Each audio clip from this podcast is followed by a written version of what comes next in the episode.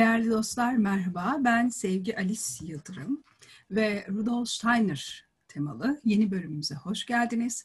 11. bölümümüzde çok özel bir konudan bahsedeceğiz. Rudolf Steiner ve onun doğu ve batı mistisizmini, spiritüelliğini, Friedrich Nietzsche'nin felsefede temsil etmiş olduğu bütün düşünceleri, fikirleri, e, spiritüel e, alemde bizzat e, uyarlayan, savunan ve e, biz e, ondan sonraki kuşaklara emanet eden, bu bilgileri emanet eden olağanüstü filozof Rudolf Steiner'ın kadın yaklaşımı üzerine bugün konuşacağız. Rudolf Steiner'da kadın diye bir konu var ve özellikle eserlerinde özellikle direkt veya satır aralarında kadın konusunu çok net algılamamız gerektiğiyle ilgili vurguları var.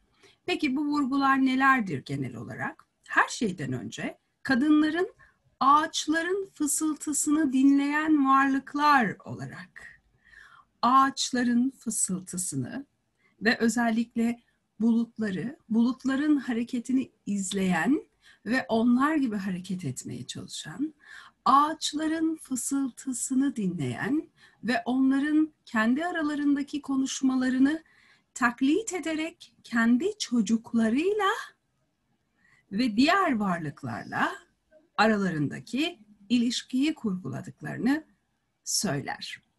Tabii ki Rudolf Steiner'ın eserlerinde Rudolf Steiner'ın kendi fikrine rastlamak çok kolay olmuyor. Çünkü o kendini şu ana kadar insan soyu ve insandan önce var olmuşların nasıl olmuşlar da var olmuşlar, bugünlere bizler geldik ama bizden önceki atalarımız nasıl yaşamışlar, dünyaya nasıl bakmışlar, e, ne tür inanç sistemlerinden bir sürü fikir, inanç süzülerek günümüze ulaşmış. Yani dünyada Homo sapiens sapiens'ten çok çok önce sadece mesela bir milyon yıl boyunca Atlantislilerin inisiyasyon yaşadığını yani burada doğup durduklarını yaşadıklarını biliyoruz. Lemuryalıların ve diğer e, kök soyların hatırlayın Atlantis'in kök soylarını uzun uzadıya birlikte konuşmuş ve e, çok güzel fikirler öğrenmiştik. İşte bu konuştuğumuz duygular, düşünceler, fikirler geçmiş soyların günümüze miras kalan bilgilerinin Doğu ve Batı mistisizminin ortak söylemlerini bir araya getirdiği için Rudolf Steiner diğer filozoflardan, bu alanda çalışan filozoflardan ayrılır. Ve nazikliğiyle hiçbir zaman bilgiyi dayatmayan, her zaman bir bilim adamı edasıyla, her zaman esnek bir kafa yapısıyla, her zaman bilimi ve inancı bir arada sentezleyerek e, bizlere anlaşılır halde ifade eden olağanüstü bir filozof. Özellikle maneviyat denen gücün cinsiyet olarak kadında giderek daha da yoğunlaştığını fark ediyor araştırmalarında. Yani atalarımızın özellikle kadın erkek ayrımının olmaya başladığı bir sosyolog olarak aslında ben bu süreci şöyle yorumluyorum. Benim mesleğimde İngilizce gender denen bir şey var. Türkçe düşüncedeki kar, karşılığı toplumsal e, cinsiyet kimliği. Yani sizin işte rolleriniz, kadının anne rolü, abla rolü, büyük anne rolü, işte eş rolü, kadın eş rolü gibi. Erkekler için baba rolü, erkek evlat, erkek eş e, gibi gibi gibi. Gördüğünüz gibi bu toplumsal cinsiyet rollerinin henüz oluşmadığı, esamesinin dahi okunmadığı, çok özel milyonlarda, milyonlarca yılda anlamında çok değişik soyların gelip gittiği ve özellikle kadın erkek ayrımında maddiyat ve maneviyat olarak yaşamın öncelikle insan tarafından fark edildiği manevi kısımda biyolojik eğilimi yüzünden manevi kısımda yoğunlaşan kadının olduğu, maddi kısımda ise yine biyolojik özelliklerinden ve tabii ki temel ihtiyaçlardan kaynaklı erkeklerin sonradan adına erkek denilecek olan, baba denilecek olan, erkek eş, büyük baba denilecek olan kişilerin yani erkeklerin hem biyolojilerine hem de insanlar bir arada mağaralarda ve benzeri yerlerde yaşarken doğallığında ortaya çıkan iş bölümüne bağlı olarak kadın ve erkek ayrımının ortaya çıkmasını sağlayan ilk belirgin durumun maddiyata kimin, maneviyata kimin yöneldiğinden kaynaklandığını düşünmüştür Rudolf araştırmalarında. Şöyle demiştir. Tabii biz onu yine sosyoloji bilimiyle birleştirerek size aktarayım ben. Böyle bir düşünce, böyle bir kafa yapısı şöyle söyler. Her şeyden önce sosyoloji neyle ilgileniyor? Toplum nasıl oluşur, nasıl meydana gelir ve sürekliliğini nasıl sağlar? Sosyolojinin bütün derdi budur.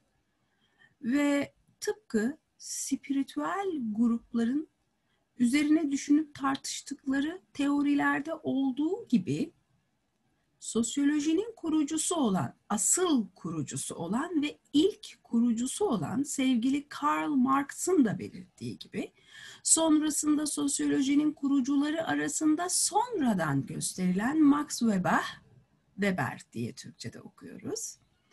Auguste Comte gibi isimler var. Saint Simon gibi isimler var.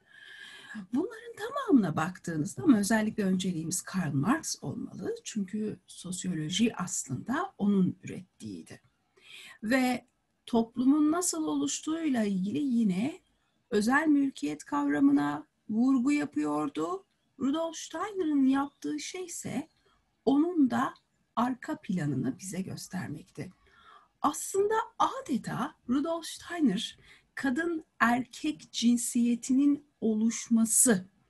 Bunu yavaş yavaş bu ayrımı fark etmemiz, yavaş yavaş düşünmeye başlayan varlıklar olarak yol ayrımının özel mülkiyetin de altında aslında maddiyata ve maneviyata yönelme durumu e, durumunun yol açtığını söylemektedir. Der ki kadın doğuruyor, erkek doğuramıyor. İşte o meşhur biyolojik özellik dedikleri budur arkadaşlarım.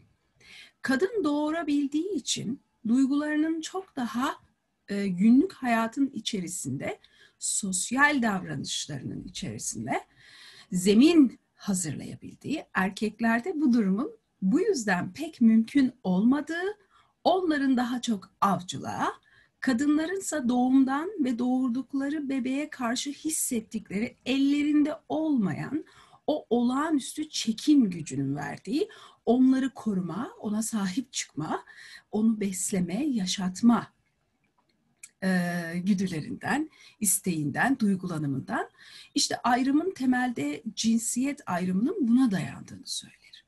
Burayı biz çok iyi, çok iyi algılamak zorundayız. Çünkü burada çok büyük bir nimet var. Burayı sakız gibi çiğneyeceğim. Hiç benden kurtuluşunuz yok. Hepinizin kafasına acayip derecede sokacağım bunu. Çünkü bu konuya bayılıyorum. Hatta Rudolf Steiner'ın fikri olmayan ya da kitabında yaz kitaplarında okuyamayacağınız ve e, antropologlarla en fazla konuştuğunuzda ve sosyologlarla fark edebileceğiniz olağanüstü bir bilgi de gelecek arkasından. Merak etmeyin. Müthiş. Hatta meraklanın bir dakika. Burada o kadar enteresan bir şey var ki diyor ki anne doğuruyor ve ona karşı bebeğine karşı akıl almaz bir tutku.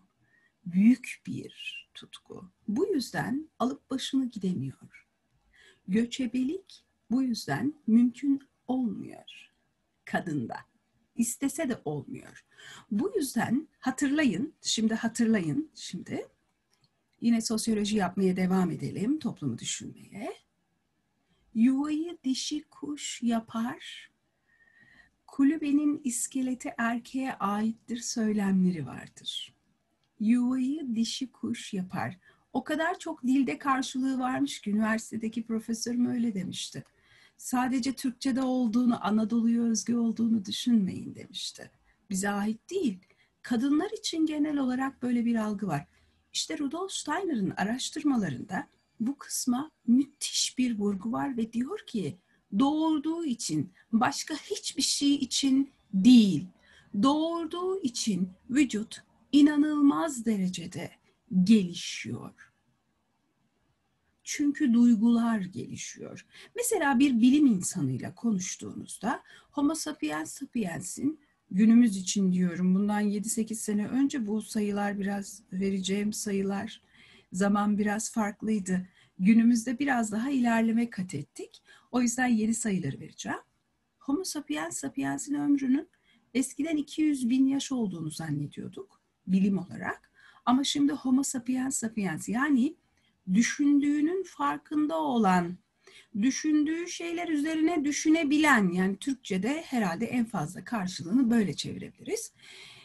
Bu bizim, biz insanımsıların, insanların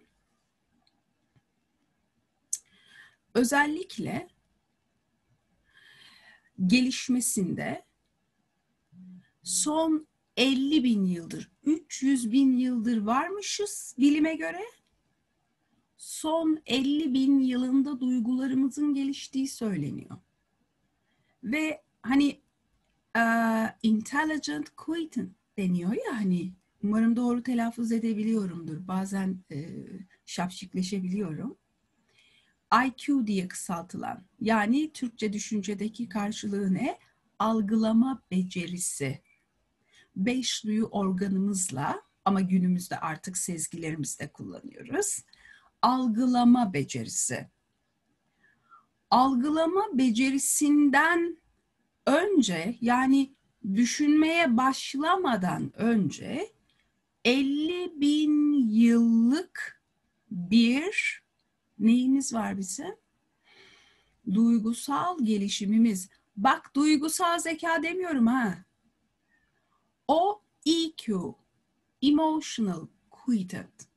Yani duygusal algılama. Hani nedir duygusal zeka? Bir sürü kitap okursunuz ama o kitapta bir cümle yazmıyor. Hani benim mesleğim olduğu için ben size söyleyebilirim onu.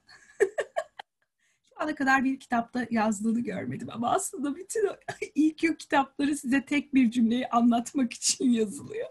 Şapşikler. Bir şeyin mantığını kavrama becerisine EQ denir. Bu kadar. Çok fazla duygusal zeka kitabı okumanıza gerek kalmadı böylece. Bir şeyin mantığını duygusal zekamızda kavrarız. Birinin duygusal zekasının gelişkin olduğunu ne, nasıl anlarız? Kişinin sen bir şey anlatmaya başladığında hızlı bir şekilde mantığının ne olduğunu çözmesi. Ha tamam. Ya da sıkça şöyle demesi. Bunun mantığı ne? Ama tek tek sıralı bir şekilde işlem yapma becerisi işte o IQ. O bilgileri tane tane işlemek. EQ ne? Bütünü kavramak. Dolayısıyla IQ ile EQ birlikte çalışıyor. Yani şöyle değil. Benim sadece IQ'm var. Hadi canım. Benim sadece duygusal zekam var. Ay ben duygusal zekam kullanıyor. Kız git Allah aşkına her hepimizin doğuştan her an yaşam uyaranlarla, içsel uyarıcılar ve dışsal uyarıcılarla IQ ve EQ yani parçalı öğrenme, sıralı öğrenme işte çarpım tablosu gibi düşün. Onu IQ'nuzla yapabilirsiniz. Ama çarpım tablosunun bütününü kullanma becerisi EQ'nuza borçlusunuz. Yani duygusal zekanıza. Dolayısıyla herkeste duygusal zeka ve IQ el ele halay çeker bir şey öğrenirken yani Ha öğrenemiyorsanız lütfen biraz tekrara düşün. Tekrar ederek iyice pekiştirirsiniz. Şimdi burada ne var? Burada şu var. Bu EQ ve IQ gelişiminden önceki bir süreçten bahsediyor. Rudolf Steiner kadın anlatırken. EQ yoktu diyor. Yani duygusal zeka henüz çok gelişmemişti. IQ da öyle çok gelişmemişti. Henüz adına hani günümüzde insan dediğimiz düşünebilen var. Öyle bir şey yok, öyle bir varlık yok. Bu yeteneklerimizin henüz gelişmediği bir dönemden bahsederken Rudolf diyor ki bütün bu inanç sistemlerini, bütün bunları araştırırken bir baktım ki eskilerden kalan metinlerde merkezde her zaman doğum var. Kadının sosyolojide yerleşik yaşamı kuran e, en büyük devrim olan tarım devrimi yani neolitik devrimin kadın devrimi olduğunu kabul etmeyen herhangi bir sosyal bilim dalı artık öyle bir şey kalmadı yani herkes kadının gücünün tamamen farkında. Fakat işin enteresan tarafı Neolitik dönemden önceki kadını kastediyor işte. Yani size ben aslında bu kadar dakikalarca bunları söylemeden ya işte düşünce düşünmeden önceki kadın da diyebilirdim. Ama hayır. Rudolf'un Türkçe çevirilerini algılamak konusunda gerçekten hani kitaplarda çok kişinin zorlandığının farkındayım. Aldığım e-mailler. O yüzden alabildiğine açık olmaya bir sosyolog gözüyle çünkü okunduğunda o kadar net anlaşılıyor ki. O yüzden böyle bir avantajımız var. Doğum yapabiliyordu. Doğurduğu şeye karşı aşırı duygulanıyordu. Ve o 50 bin yıllık duygusal gelişim kadına aittir önce diyor. Doğurduğu erkek annesinin DNA'sından duygularını alıyor. Şimdi size bir tüyo vereceğim. Çok duygusal erkekler böyle. Her erkek duygusal. Ama çok böyle belirgin duygusallar vardır. Hani illa balık burcu olmak zorunda değil yani. Ay canlarım benim. Çok duygusallar ve niyeyse hep annelerine düşkünler. Bunu sadece sosyoloji ya da psikolojiyle açıklayamazsınız. Yetmez o teorileriniz. Bunun biyolojik zemini çok güçlüdür. Çünkü çocuk bilim bugün diyor ki zekasını her türlü zekasını anneden alır. Rudolf Steiner diyor ki bu doğru. Daha kadın erkek ayrımı olmadan önce insanların bu yönü gelişti ve kadın merkezli gelişti. Duyguları ilk gelişen kadın. Ve sonra Rudolf bunu araştırıyor. Eminim Frederick Nietzsche ile de çok tartıştılar şöyle olduğunu fark ediyor. Diyor ki metinlerde şöyle söyleniyor. Hani kadın doğuruyor. Doğurduğuna bağlanıyor ve bu bir politika gereği değil. İçsel kendiliğindenlik yasası deniyor buna sosyolojide. Kendiliğindenlik, bir şey kendiliğinden oluyor. Yani biyolojik. Ve kadın sürekli bunu deneyimliyor milyonlarca yıl. kadın yuvayı bu maneviyat üzerine kuruyor. Yuvayı dişi kuş yapar sözünün kökünün Rudolf Steiner bu olduğunu belirtir. Kadın yuvayı erkek için kurmuyor. Kendisi için de kurmuyor. Bir pitonun, bir um, mamutun ya da bizim hiç bilmediğimiz nesli tükenmiş bir sürü bir, şey, bir şeylerin, hayvanların, canlıların zehriyle olsun ya da direkt ısırması yemesiyle olsun bebeğinin yok olmaması için onu fanusa koyuyor. Yuva budur. O kadar doğru bir yerden yakalıyor ki Rudolf Steiner bunu. Aradan yüz binlerce yıl geçiyor. Bu biyolojik gerçeklik bizim karşımıza ki ben bir aile danışmanıyım ve özellikle aile arabulucusuyum da aynı zamanda yani. Bizim bu arabuluculuk, aile danışmanlığı mesela müfredatımızda şöyle bir şey var. Ailelerle çalışacaksanız özellikle mesela örnek verelim bir süpervizyon örneği. Boşanma süreci var. Avukat beni eğitiyor değil mi? Bana diyor ki Alice Hanım diyor boşanma süreci var. Çift size geliyor. Evet doğru. Çift size geliyor. Evet biz boşanacağız. Ve Türkiye'deki ve dünyadaki şu geleneksel söylemi çok sık duyacaksınız diyor bana profesör avukat, hukukçu yani profesör hukukçu. Avukat nereden çıktı? Bana şöyle söylüyor. Karşınıza biz boşanmak istiyoruz ama size danışmaya geldik. Çünkü arada çocuklarımız var. Tek başımıza karar vermeyi hani olmuyor. Bakın geliştik. Yüz binlerce yıl gelişti. Artık düşünceyi ses ile birbirimize aktarabiliyoruz. Konuşmak bu demek. Düşünceyi ses ile birbirimize aktarabiliyoruz. O yetmiyor bir de anlıyoruz. Ya da anladığımızı zannediyoruz. Anlamak mümkün müdür? Bir de öyle bir soru işaretimiz var felsefede değil mi? Neyse anlıyoruz diyelim. Ne oluyor? Benim önüme konan şey ne? Fix. Çocuklarım var.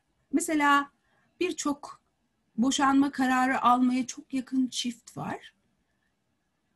Güdüsel olarak önce kadın tabii en çok kadın. Sonra da eğer çok duygusalsa annesini modellemiş olan ve çocuğuna babalık değil, babalığın yanında anneliğin de mix yapmış. Halbuki kendi anneliğin modelliği, model yok çok açık yani. Sosyal psikolog izliyorsa şu an ne dediğimi çok iyi anlıyor. Yansıtıyor çocuğuna manevi olarak. Hem annelik hem babalık yapmaya çalışıyor erkek bedeninde. İşte o kadar enteresan bir şey ki çocuğum için boşanmıyorum diyor kadın. Veya erkek çocuğum için boşanmıyorum diyor ama bu söylemi daha çok vurgulayanlar hep kadınlardır. Takdir edersiniz. Benim de işim gereği farkındayım. İşin içindeyim. Niye biliyor musunuz? Rudolf Steiner bunu o kadar güzel söylüyor ki bunu Karl Marx bile söyleyemedi. Bunu o çok sevdikleri Auguste Comte bile, bunu Max Weber bile büyü bozuldu dediği halde bunu söyleyemedi. Bunu Friedrich Nietzsche ve Rudolf Steiner söyleme cesaretinde bulundu. O döneme göre bunlar inanılmaz büyük fikirler, parlak fikirler. Çünkü bunlar o dönemde Hristiyanlığın o dönemki otoriteyle olan ilişkilerine çok uymayan öğretiler tepki çekebilecek öğretiler. Şimdi biz böyle güzel güzel konuşuyoruz ama o dönemde bedeller ödenmiş söylemler bunlar. Çok ileri görüşler bunlar. Kadın diyor Rudolf, biyolojik olarak kendiliğindenlik yasası gereği çocuğunu koruma altına almayı kendiliğinden daha konuşmayı bile bilmiyor kadın. Yani dil icat edilmemiş. Dil yani dil derken düşünceyi sese dönüştürme. Şu anki konuşmamız. Daha yok o. O bile yok. Kadın çocuğunu uygun alanlara çekip kendisi bekçilik yaparak onun yaşatmak için uğraşıyor diyor Rudolf. Kadın daha düşünmeyi bilmiyor. Tıpkı erkek gibi öyle bir dönemdeyiz. Kadın düşünmeyi bilmiyor. Henüz düşünce ürememiş. Düşünce yok. Dolayısıyla sese dönüşmek de yok. Düşünceden ve sesten konuşmaktan önce yani duygular var. Bizim şimdiki IQ'muz için bilimin bize verdiği tarih Homo sapiens sapiens için yaklaşık 20 bin yıl. Bunu biliyor muydunuz? Belki son deneylerle bir şeyler bir yan üniversitesi çılgınlıklar yapıp bir şeyler açıklamış olabilir. Ben bilmiyorumdur. Ama üniversiteden bu yana 20 bin yıl olarak öğrendiğimi biliyorum. Duygular 50 bin yıl, IQ 20 bin yıl yaşında. Duygulardan kasıt Rudolf Steiner'ın ima ettiği annelik. Annelik adını verdiğimiz bu toplumsal cinsiyet rolü annelik, mother. Anne. Bu toplumsal cinsiyet rolü verdiğimiz. Önce annelik vardı diyor.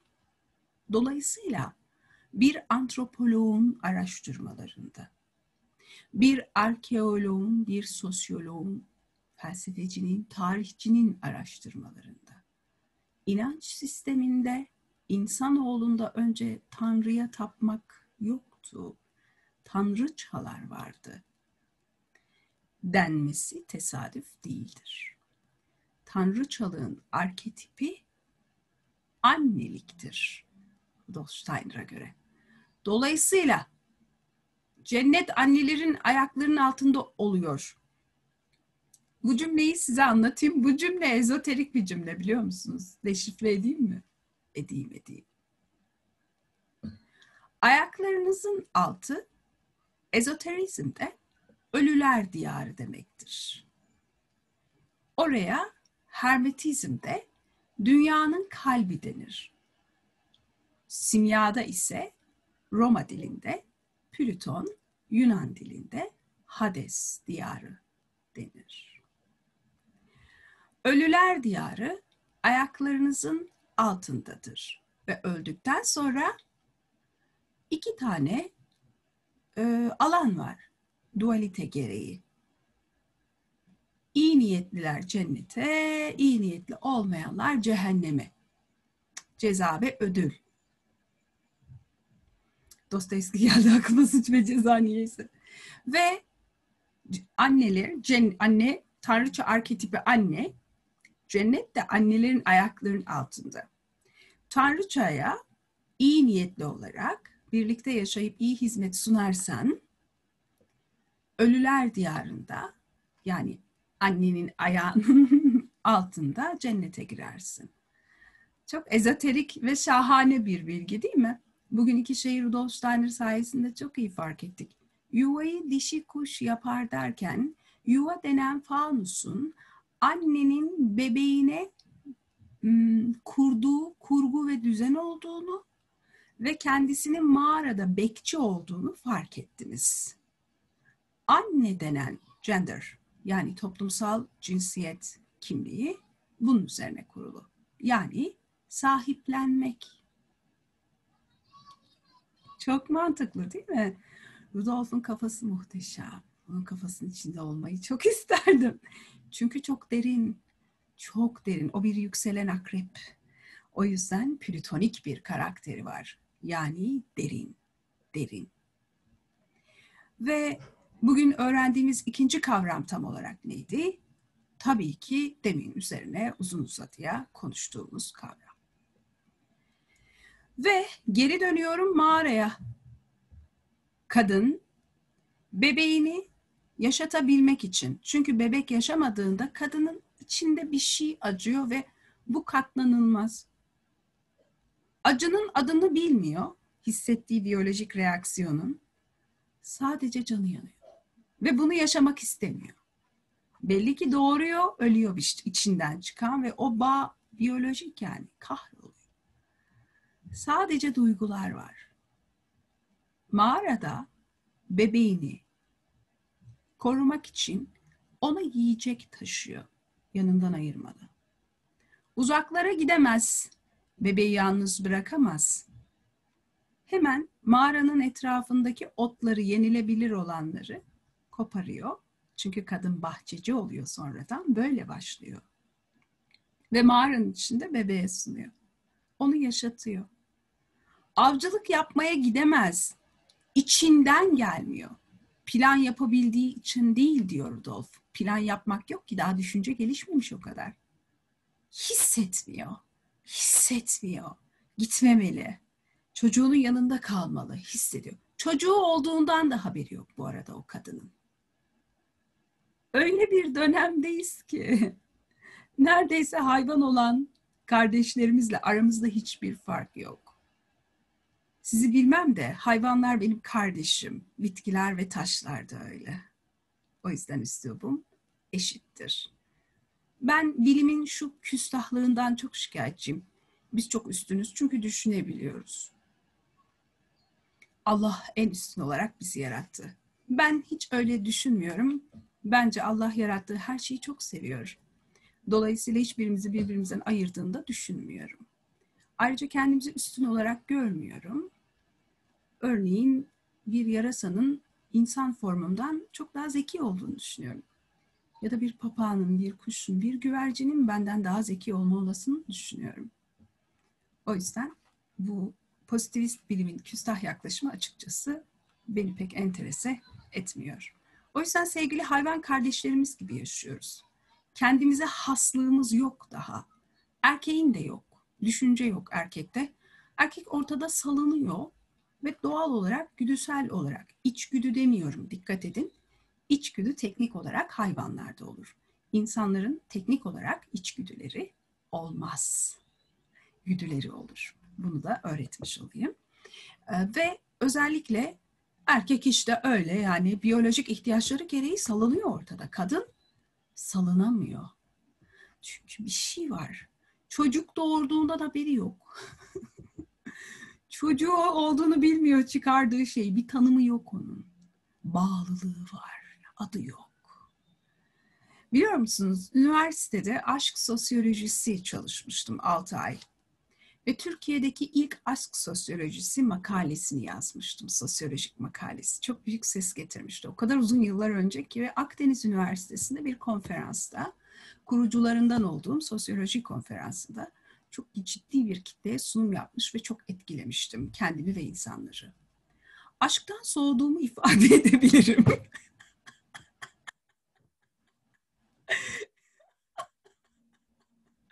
ve o araç ciddi söylüyorum. Aşktan soğudum. 6 ay çalıştım, soğudum. Şimdi o kadar enteresan ki Rudolf Steiner aşkın arketipine de vurgu yapıyor. Biyolojik olarak yakınlık hissetmek yani. Onu doğurmak zorunda değilsin. Adını da koyamazsın. Hani sevgi anlaşmak değildir, nedensizce sevilir. Bilemezsin. Görmek zorunda da değilsin. Ee, o kızla Keanu birbirini görmüyordu görevinde. Çok romantik buldum. Çok da saçmadır aslında. Niye beni o kadar çekiyor anlamıyorum ama The Lighthouse çok hoş bir filmdir. Türkçesi e, Gölevi diye çevrilmiştir. Aralarında yıllar var ve bir posta kutusuna mektup koyarak birbirlerini görmeden aşk yaşıyorlar. İşte sanırım aşkı e, böylesi daha makbul buldum. 6 aylık çalışmadan sonra. Aşkın arketipinde şöyle bir şey keşfetmiştim çalışırken ve o dönemde bana yardımcı olan profesörlere de sonsuz teşekkür ediyorum. Çünkü Türkiye'de sosyolojide aşk üzerine kaynakça yoktu ve kendim oluşturmak zorunda kalmıştım. Sonra çalışmayı bıraktım o alanda çalışmayı belki ileride düşünürüm ama ben daha çok siyaset sosyoloğuyum. Bunu da söyleyeyim yani üniversitede tezim siyaset sosyolojisi üzerine. Benim alanım siyaset sosyolojisi. Dolayısıyla iktidar ilişkileri bizden sorulur. İşte Rudolf Steiner'in bu felsefesinde belki de bu kadar derine dalabilmenin altında böylesi bir birikim yatıyor olabilir. Yani zihnim belki bu yüzden çok seviyor. Toplumun daha arka plandaki iktidar oluşumlarını. Belki Yüzüklerin Efendisi'ni bu yüzden çok önerip duruyorum size. O sıradan bir roman değil. Gerçek bir belge. Neyse geri dönelim biz şimdi. Güzelce yayıldık. Bir takım tohumlar ektik içinize değişik konularda geri geldik. Aşkın arketipini vurguluyor aslında Rudolf Steiner. Yani biyolojik çekim var. Anne bebeğine aynı zamanda aşk hissediyor. Koku çekiyor ya da biyolojik çekim. Niye? Ne olmuş o dönem biliyor musunuz? Anne çocuk ilişkisiyle ilgili çok uzun soluklu halka açık ücretsiz seminer programlarım vardı benim. Ve bir araştırma yapılmıştı o yıllarda. Ve ben e, koca koca salonlarda annelere, özellikle babalara, çocuklarıyla aralarındaki ilişkiyi kurgulamalarıyla ilgili tüyolar veriyordum. Bir nevi koçluk da yapıyordum aslında.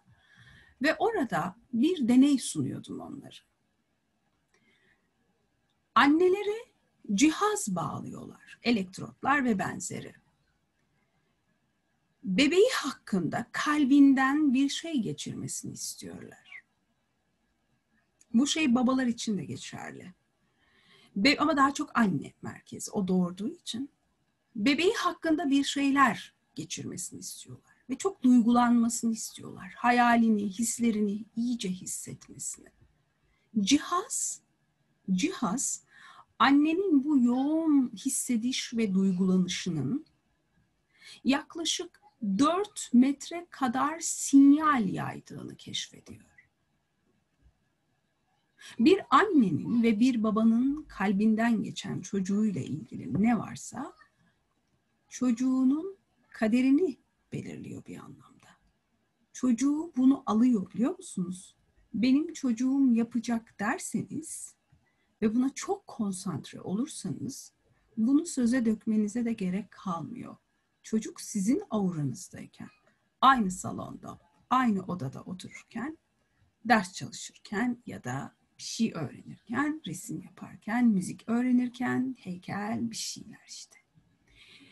Çocuğa öyle sevgi dolu ve içinizden güzel kelimeler geçirdiğinizde kalp çakranızdan, bedeninizin tamamından ama kalp çakrası merkezde. İnanılır gibi değil. Beyin beklersin değil mi? Tabii ki burası da işin işin ama buradan bir sevgi akıyor yani. Ve 4 metreye kadar. Ha yani 30 metredir belki gerçeği de cihazın gücü yetmiyor yani. Teknoloji o kadar değildi belki o yıllarda. Şimdi belki buldular. Daha da bir peşine düşmedim. O görevimi tamamladığım için evet sıradaki deyip yola devam ettim. Ama o yıllarda 4 metreydi. Ve düşünün diyor ki çok düşünme diyor bilim insanı anneye deneyde. Hisset diyor. Hani bir şey düşünebilirsin. Örneğin başaracak. Bunu düşün. Hisset sadece diyor. Kalbinde, bedeninde hisset diyor.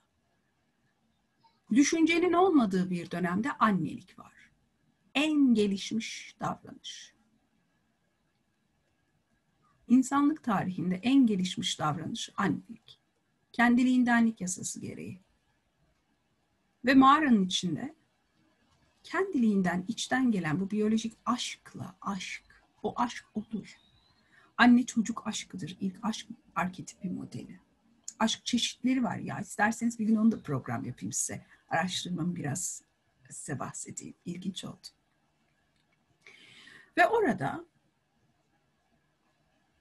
yuvayı kuruyor. Mutfak böyle oluşuyor biliyor musunuz? Anlatabiliyorum değil mi? Banyo bebeği yıkamak için kendisini değil. Su içeriye mağaraya taşınıyor. Yiyecek taşınıyor mağaraya.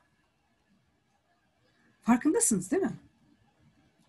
Her şey bebeği o büyük, iri ve korkunç hayvanlardan korumak için, yaşatmak için. Ve sonra bu bebek yaşıyor, büyüyor defalarca doğum yapan canlı yani kadın diyeceğiz adına sonradan o bile kadın olduğunu bilmiyor o dönemde. Defalarca doğum yapan ve bu doğal süreci kendiliğinden duyguları yüzünden düşünce henüz yok.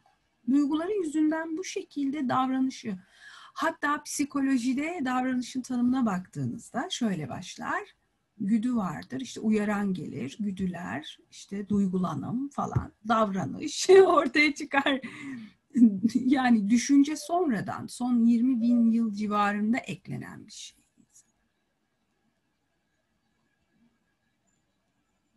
Bunlar çok özel şeyler. Günümüzde düşünce duyguyu tetikliyor. Biz eski atalarımız değiliz.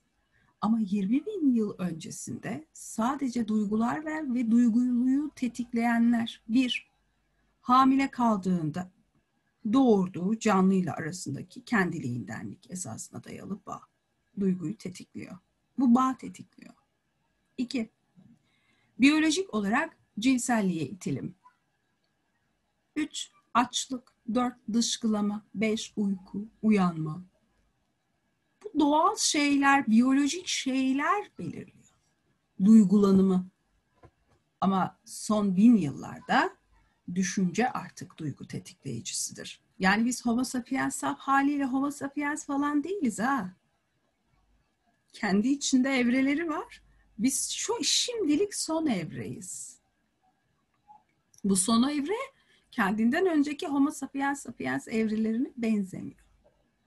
Böyle antropolog falan tanıdığınız varsa bir konuşsanıza bu konuları seviyorsanız size çok güzel şeyler anlatır. Konumuz bizim sınırlı şu an. Ve kadın yuvayı kuruyor böylece. Evet Rudolf Steiner'ın beyninin kıvrımlarının içinde gezelim. Kadın daha sakin bir hayat sırf bu yüzden kurduğu için ve her defasında kadınlar bu yöntemin işe yaradığını yani çocuğu koruyor, o acıyı deneyimlemiyor artık. Çocuk içeride hemen bitki, su ne gerekiyorsa yiyecek içeri alınıyor. Beyin kıvrımları bu kadar hızlı gelişmesi kadının onu da öğrenmiş olması. yani bir övesim var kendimize. Bu bir gerçek biliyorsunuz değil mi? Yani zeka olarak, potansiyel olarak kadının daha gelişkin olmasının altındaki sebep bu. Mekanik zeka erkeklerde çok güçlü. Onu da başka bir zaman anlatırım. Ve kadın yuvayı kuruyor. Yuva ilk kurulduğunda erkek yok içeride. Farkındasınız değil mi? Bütün dillerde belki de erkeği elde tutmak, evde tutmak gibi kavramlar var. Komik komik. Sizce de komik değil mi ya? Avucun içine alalım falan. Bayağı ezik söylemler buluyorum ben. Senin malın mı? Neyin avucun içinde tutuyorsun değil mi? Ama tamam biz şimdi böyle hani ama ne cahilane laflar falan diyoruz da yani en azından kendimi bağlıyor. Kendimi böyle düşünüyorum. Siz belki benim zıttımı düşünüyorsunuz. Size de saygı duyuyorum katılmamakla birlikte ama insan hani insan yeterince nesneleşti yani kimse kimsenin malı değil. Herkes e, özgürlüğünü saygı çerçevesinde, sınırları hat çerçevesinde yaşayabilmeli bana göre. Yani birbirine bağlanıyor olmak bağımlılık olmak anlamına gelmiyor iki özgür birey olarak. Çünkü ben çağımızın artık bunu gerektirdiğini düşünüyorum. Kadın bir birey, erkek bir birey, iki yetişkin ilişkisi e, sınırlar çerçevesinde ezen ezilen politikasını aşarak birbirini e, eğitebilmiş, birlikte eğitime devam edebilen, birbirini e, tamamlayıcı, önce içinde kendi kendine tamamlanmış, sonra karşı tarafı tamamlayıcı güzel bir devinim yani. Ama bunlar çok sonradan oluyor bu entrikalar. Erkeklerin elde tutulma gibi çirkin böyle lafların bakın arketipinden bahsediyorum. Yuva erkekler için kurulmuş bir alan değil. Mesela köpek erkekler için değildir. Tarihte ilk evcilleştirilen hayvanın hala köpek olduğu savunusu var. Bilim böyle söylüyor. Niye mi? Yuvaya yani koruduğu yerde bebeğini dışarıdan bitki ve su getiren, yiyecek getiren, ağaçlardan düşenleri toplayan. Kadın toplayıcıdır. Kadın bu yüzden toplayıcıdır. Oradan ayrılmamaya özen gösteriyor. Çünkü yiyecek var, sebze meyve diyeceğiz adına sonradan. Bunlar var. Ve daha da korumayı arttırmak için kendini çoğaltıp modelliyor. Köpeği evcilleştiriyor. Kadın çocuğun bekçisi olarak modelleniyor biliyor musunuz?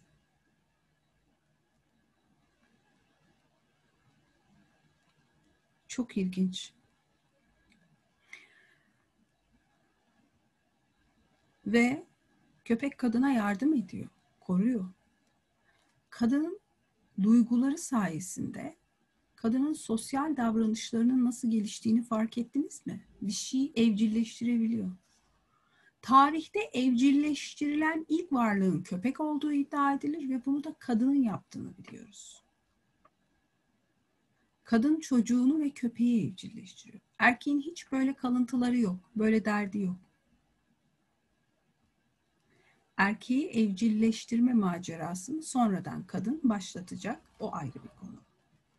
Ama kök bunlardır der Rudolf Steiner. Bunlara iyi bakın. Çünkü o zaman kendinizi çok daha rahat, bazı davranışlarınıza matruşka bebeği gibi kapaklarını açıp açıp en küçük bebeği görmemizi sağlıyor. Çünkü diyor ki bu bebek değişirse, bu inanç kalıbı mesela değişirse üstteki matruşka bebeklerinin de rengi tonu değişecek. Yani anlamı değişecek. Ve diyor ki sizin bilinç dışı, kolektif bilinç dışınızda bunlar var. Ve özellikle kadın için diyor ki bu sesi çıkartan da, bunu organize eden de, bunu anlam yükleyen de, e, ses, ton ve ritmi de oluşturan kadındır. İlk şarkıcı kadınmış yani. Ve ilk şarkı ninni. İlk şarkı bebek için söyleniyor. Bebeğiyle konuşmak için. İlk konuşma anne bebek arasında arketip olarak. Çok müthiş bir şey bu. O yüzdendir ki babamız bize bin tane bir şey söyler ama annemiz bir kere içten bir şey söylediğinde takılıp kalıyoruz. O bizim ya e, düz motivasyon kaynağımız oluyor. Yani çok hoş bizi motive ediyor, inanç yüklüyor. Ya da ters motivasyon çok sıklaştırabiliyor. Hayal kırıklığı bir anda yıkıyor bizi mesela. Biyolojik tamamen biyolojik bu bir öğrenme değil. Bu hep böyleymiş. Ve özellikle ormanda bir anne yuvayı çocuğu için kuruyor. Burayı milyonlarca kez tekrar etmek istiyorum. Ve böylece ruhsal tekamül yolculuğunda ilerleyen ilk beden yapısının kadın olduğu şekilleniyor.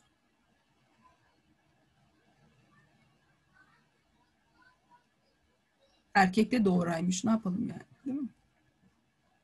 Ve gerek Lemuryalılar soyundan gelen gerek Atlantis soyundan gelen sonradan adına kadın diyeceğimiz ama kendi içinden bir şey çıkan bu varlıklar böylece sırf yuva kurdukları için çocuklarına müzik, ev kavramı yani işte hani ev alıyoruz ya işte 3 artı bir alan hani mutfağı var, banyosu var, lavabosu var.